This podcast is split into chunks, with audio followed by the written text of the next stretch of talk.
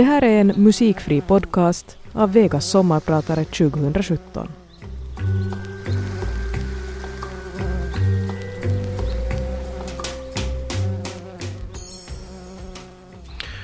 Havet har alltid varit viktigt för mig. Jag har vuxit upp vid Finska vikens kust i Kyrkslätt. Jag har alltid kunnat dyka med ögonen öppna i bräckt vatten. Men i sjöar har jag varit tvungen att blunda eftersom det svider. Jag antar att mina ögon redan tidigt vande sig vid Östersjöns vatten. Jag heter Ilka Herlin och jag är din sommarpratare idag. Jag är alltså Ilka Herlin och idag ska jag sommarprata om vad jag har gjort i mitt liv och varför har jag gjort det. Jag lägger fokus på naturen och Östersjön eftersom det oftast är det jag ändå får frågor om. Jag lärde mig simma i Esboviken någon gång som liten. Då hade barn för vana att antingen simma eller jobba hela dagen lång på sommaren. En gång när jag var sex steg jag på en glasbit när jag skulle i havet och smärtan var fruktansvärd. Såret ville inte leka på hela sommaren. Jag gjorde höarbete barfota med ett omslag runt foten. Jag minns hur jag måste stiga snett och bara på trampdynorna för att undvika då stickiga stråna och smärtan. Men det var inte smärtan som störde mig mest. Det jobbiga var att inte kunna simma under lunchrasterna. Till sist började såret varas. Jag var ensam hemma och bestämde mig för att operera under eget ansvar. Varet trängde ut ändan på en glasbit ur såret. Jag drog ut den helt och det var en brun glasskärva. Av färgen att döma hade jag stigit på en trasig ölflaska. Det här var första gången jag insåg att man inte får skräpa ner i havet. Att segla hade jag lärt mig redan tidigare. Mina tidigaste båtminnen är från ett besök på Haapasaari vid Kotkas kust på svenska Aspö ungefär 1963. På något sätt förstod jag trots min ålder redan då hur speciell ön var. Nästa gång jag besökte den var jag redan i militären i marinen år 1979. Hela öns natur hade förändrats eftersom korna hade försvunnit och inte längre betade i sig allt som gick att hitta på ön. Träden och buskarna hade nu tagit sin egen plats i ekosystemet. Samma sak har hänt överallt i skärgården. Marinen var viktig för mig eftersom det var där min vän och aspirantkamrat Juha Koljonen uppmärksammade mig på Östersjöns tillstånd. Auraå är en kloak och inte en å, sa han. Och han hade så rätt. Vi kämpar fortfarande med problemet. Jag såg en säl för första gången i början av 70-talet vid Vormö i Ingå skärgård. Den drev livlös omkring.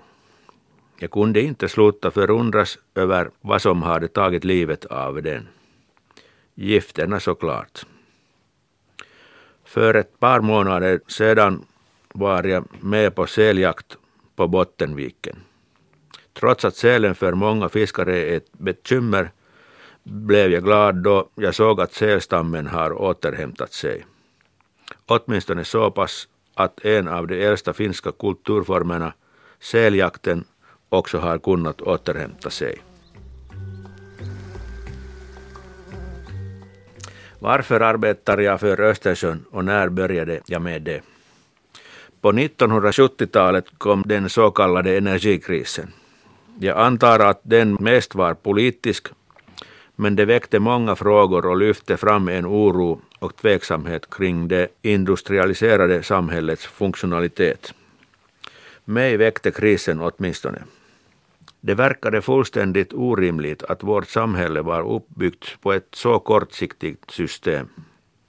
Trots att det själv är en del av systemet har jag inte kommit ifrån grundsynen att det sätt vi förbrukar energi på är absurt och kortsiktigt. Problemet har alltid varit detsamma. Att vara en del av systemet som är så uppenbart destruktivt. Kan man förbättra det och i så fall hur? Under samma tid grundades Romklubben som varnade för jordens begränsade resurser. Klubbens grundare Aurelio Pecei besökte min familj i Kyrkslätt. Till middag hade vi rökt sik, men det tyckte min far inte att var tillräckligt. Kom, vi tömmer ryssjan, nu måste vi ju bjuda på ål, sa han. Vi fiskade jämt med ryssja. Taktiken var att man lät den bli full med småfisk och när det så småningom började lukta sökte sig ålen dit. Vi for iväg. Jag frågade vad vi skulle ha att bära hem ålen i och mamma hämtade en plastkasse. Det där räcker inte. Vi får ju många gäster, sa pappa. Så vi tog ett par kassar till. När vi kom till Ryssland såg vi flera ålryggar blänka till under vattenytan. Totalt var det åtta stycken, allt mellan en halv meter och en meter i längd. Vi hade alltså åtta färska ålar och Petsej på kommande inom några timmar. Så vi ringde till grannen Paavo Rintala som hade en tillräckligt stor rökugn. Paavo rökte ålen och rätt så stolta kunde vi sedan servera den till middag åt Petsej och de andra. Han rörde aldrig vid ålen. Hade han månne läst Günther Grass? Rumklubbens budskap fastnade hur som helst och trots att Petsej var kräsen så hade han rätt. Vi har redan länge levt över våra tillgångar. Det fanns en tid i min ungdom där rumklubbens budskap bar frukt, men ivern avtog ändå till sist. Vi tog vårt förnuft till fånga och började utveckla förnybar energi och sätt att spara energi. Allt lyckades inte. Till exempel energisparprojekten har många gånger i brist på tillräckligt kunnande lett till mögelproblem. Hemma på vår gård övervägde vi att börja använda kommunalt avloppsslam som gödsel. Men det innehöll för mycket kadmium så det gick inte för sig.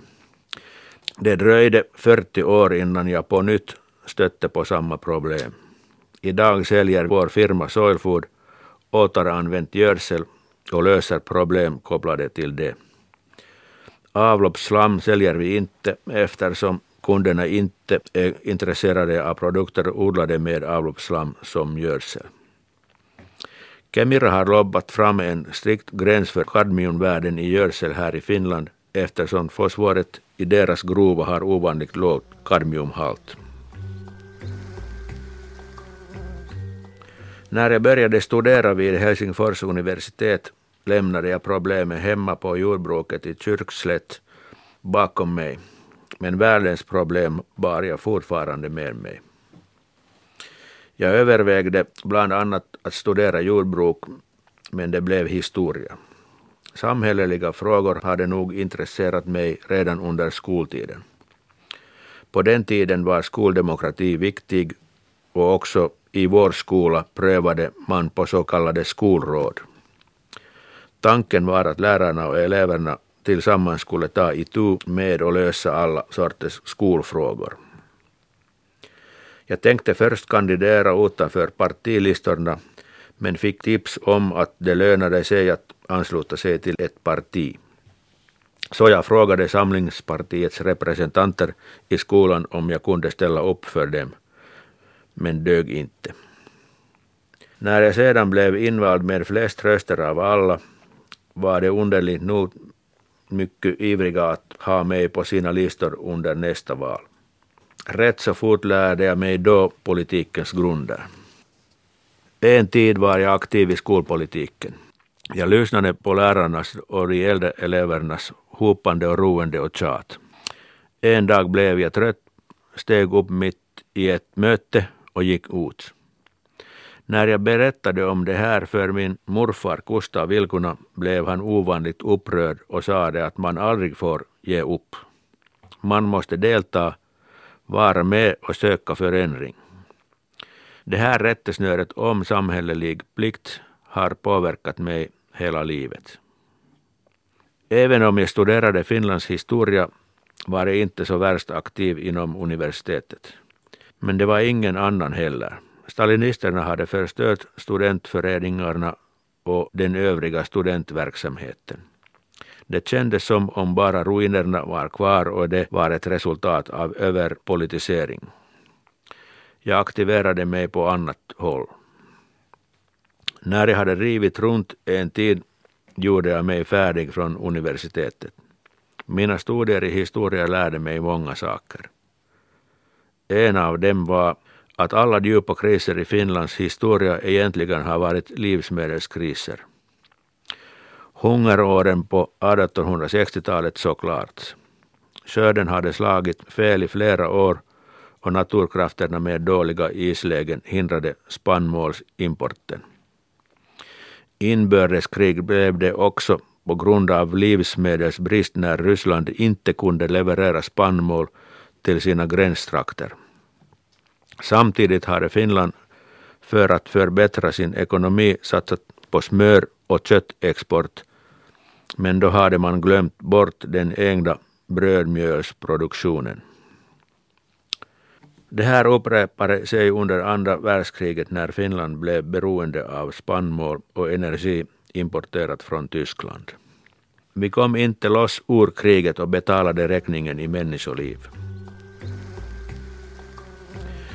Klar med min doktorsavhandling blev jag år 1993 och när jag plötsligt hade tid över för annat så återupptog jag mitt arbete för miljön.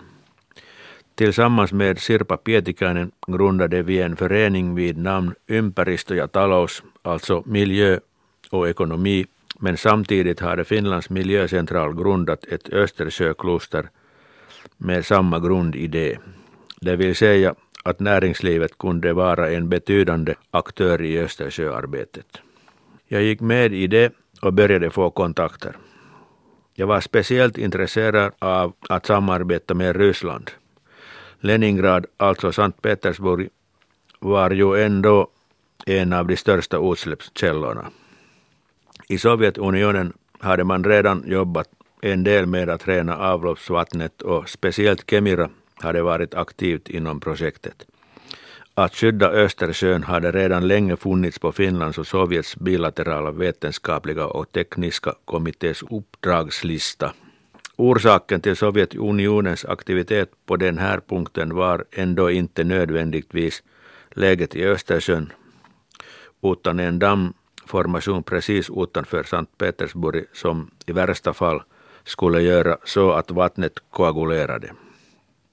När Sovjetunionen föll stannade alla planer och projekt upp.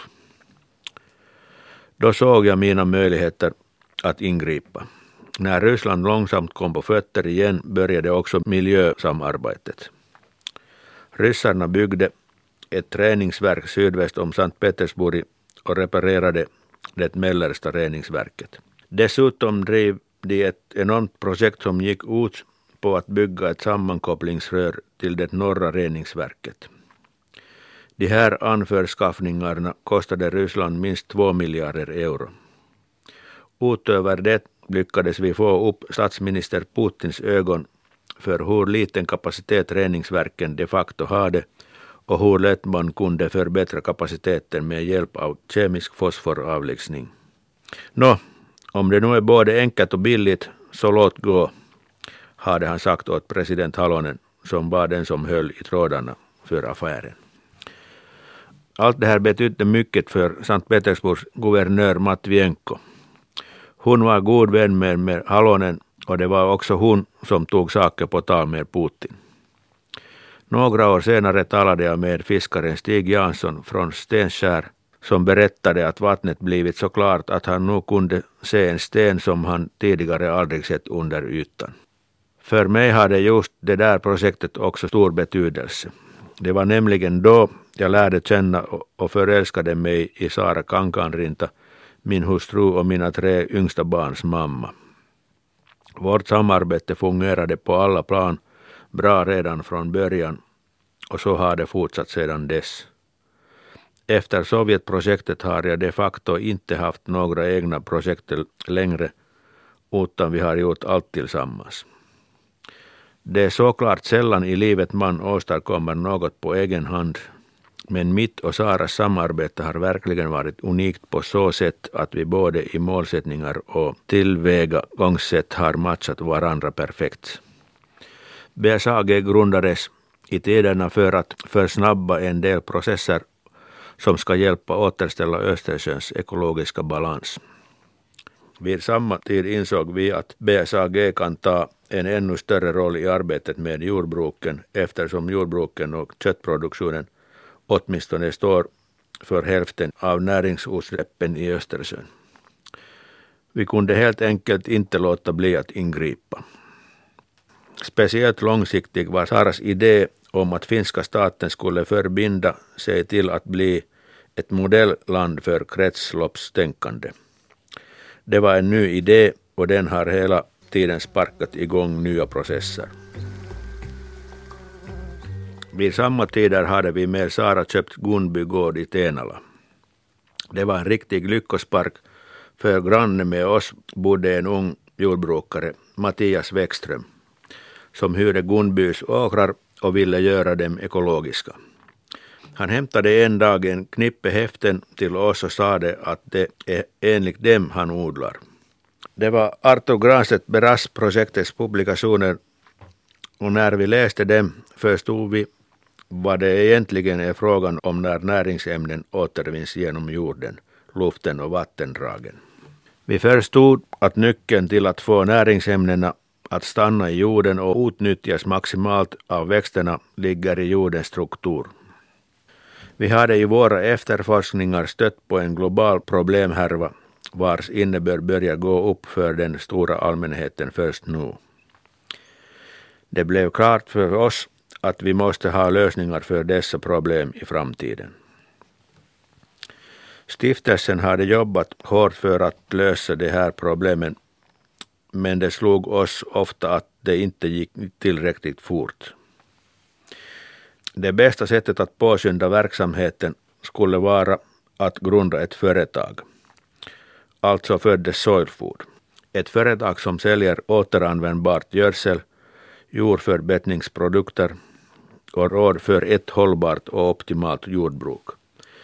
För Östersjön och också för oss har kombinationen av BSAG och Soilfood varit optimal. Under senare år har man insett att klimatuppvärmningen har tre bakomliggande orsaker.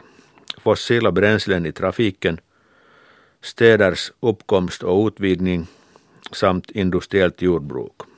Det sista, mycket på grund av den kol som försvinner ur jordmånen med växtligheten och erosionen. Trösterikt med jordmånens avkolning är ändå att det går att binda kol i den på nytt.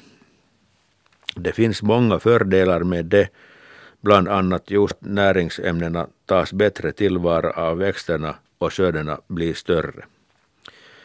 Men med samma metoder kunde man också göra ökenområden till odlings eller betesmarker.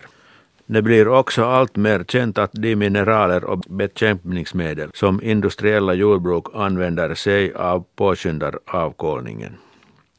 Alltså är det absolut nödvändigt att nu utveckla verktyg för en hållbar matproduktion som både klarar av att mätta en växande befolkning och bromsa klimatförändringen samtidigt.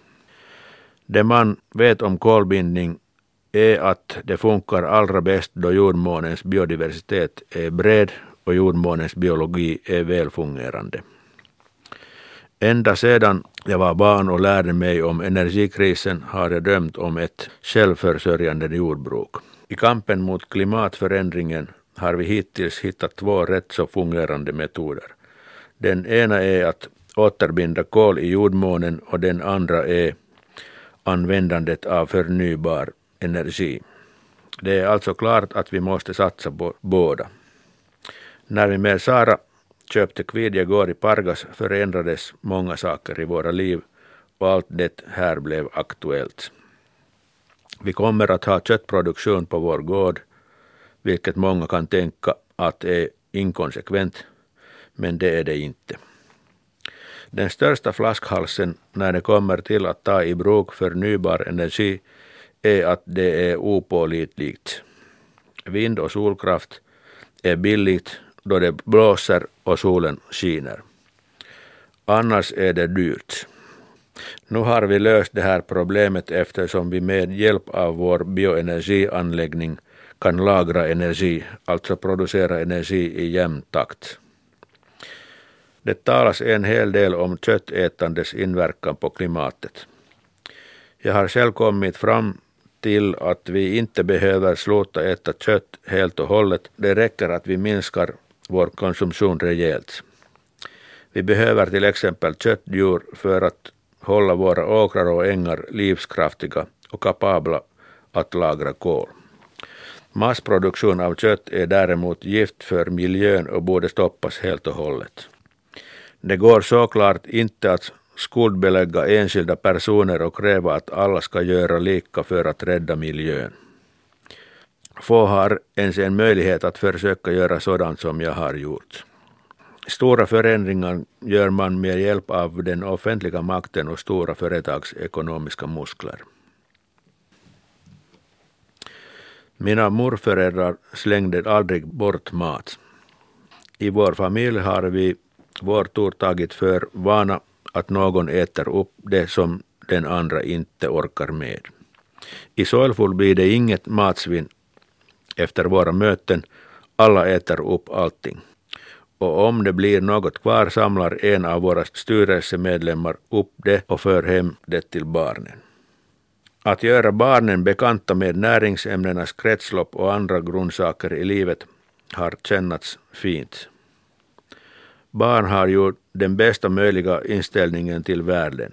De frågar hela tiden varför och hur. Vuxna täcks inte längre fråga. Och för barn är ju ingenting omöjligt.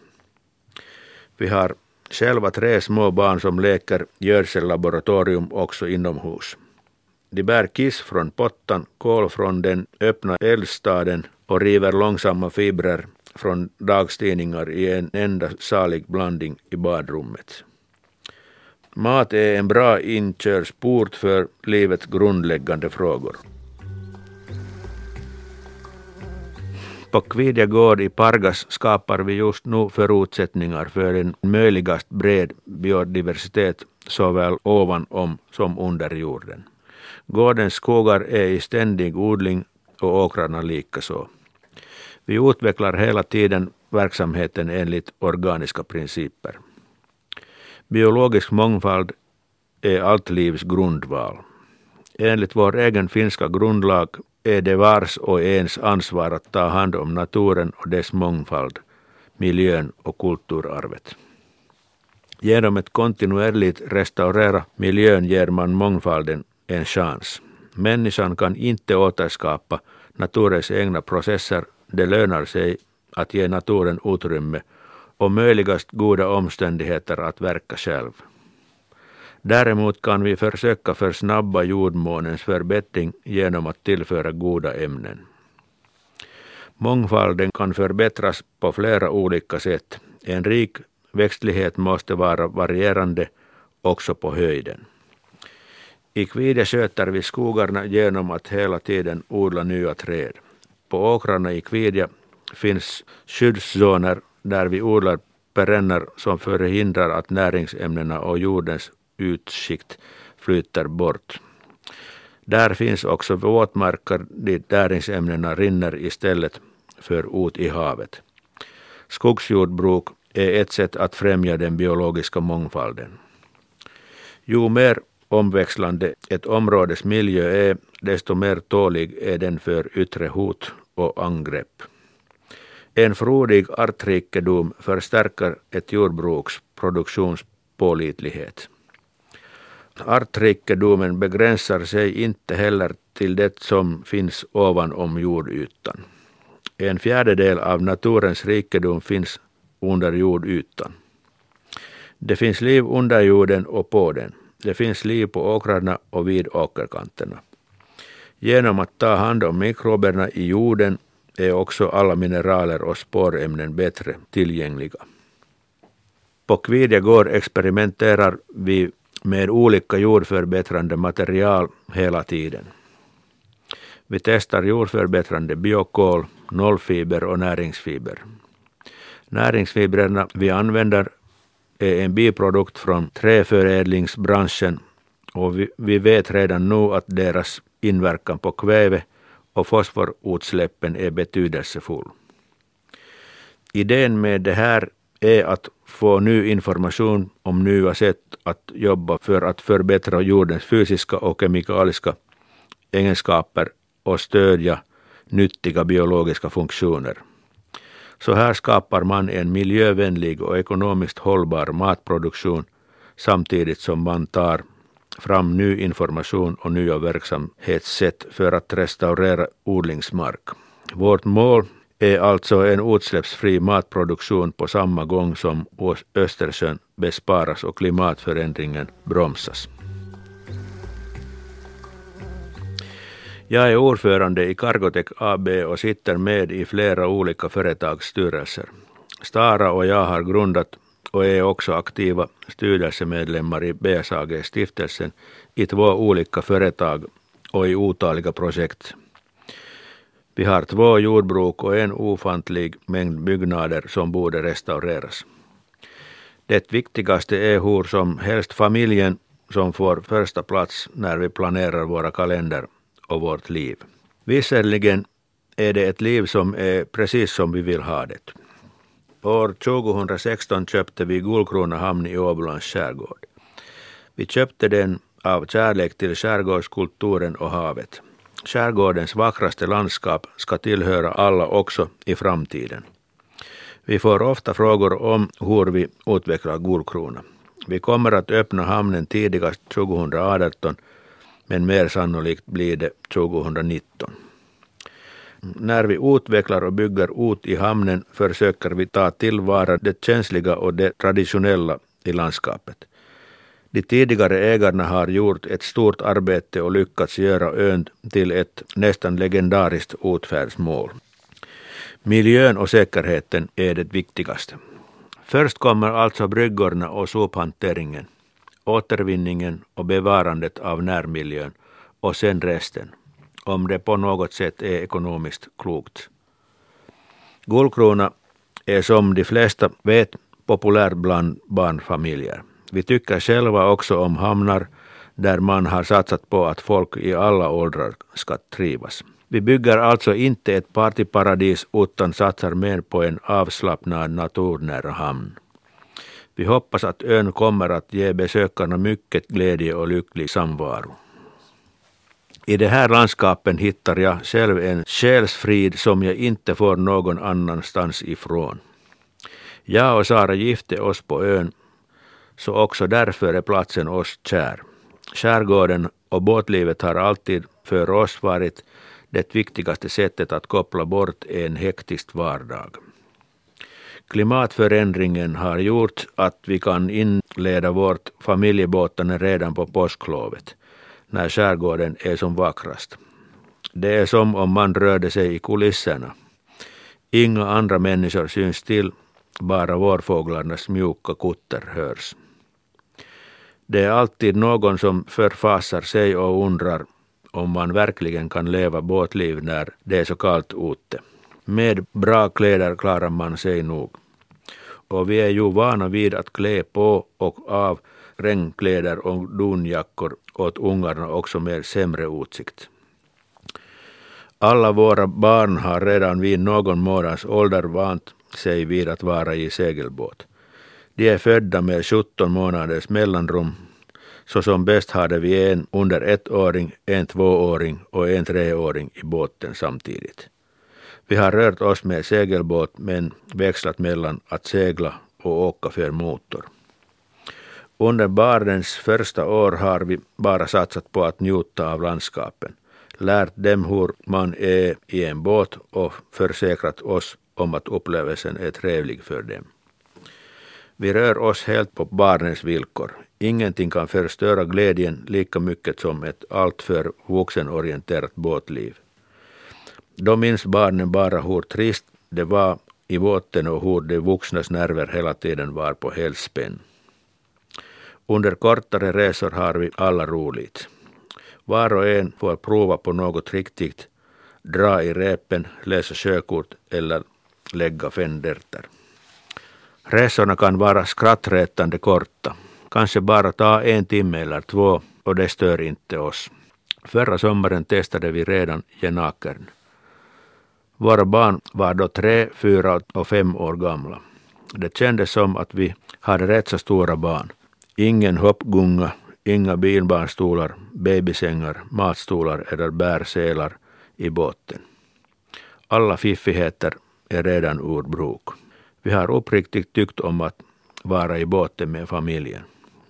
Det är mycket jobbigare att försöka lära tre små barn att cykla än att leva båtliv med dem. När jag skriver det här lyssnar jag på veteranernas kvällsrop från Mauno Koivistos begravning. Jag känner mig som en länk i en kedja av generationer med finländare som alla har gjort sitt bästa med de förutsättningar de fått för att vårt Finland och hela världen ska må bra. Man kan aldrig vara säker på om man uppnår de mål man ställer för sig själv, men man måste alltid försöka. Jag heter Ilka Herlin och jag har varit din sommarpratare idag. Yle Vega. Det här är Yle Vega.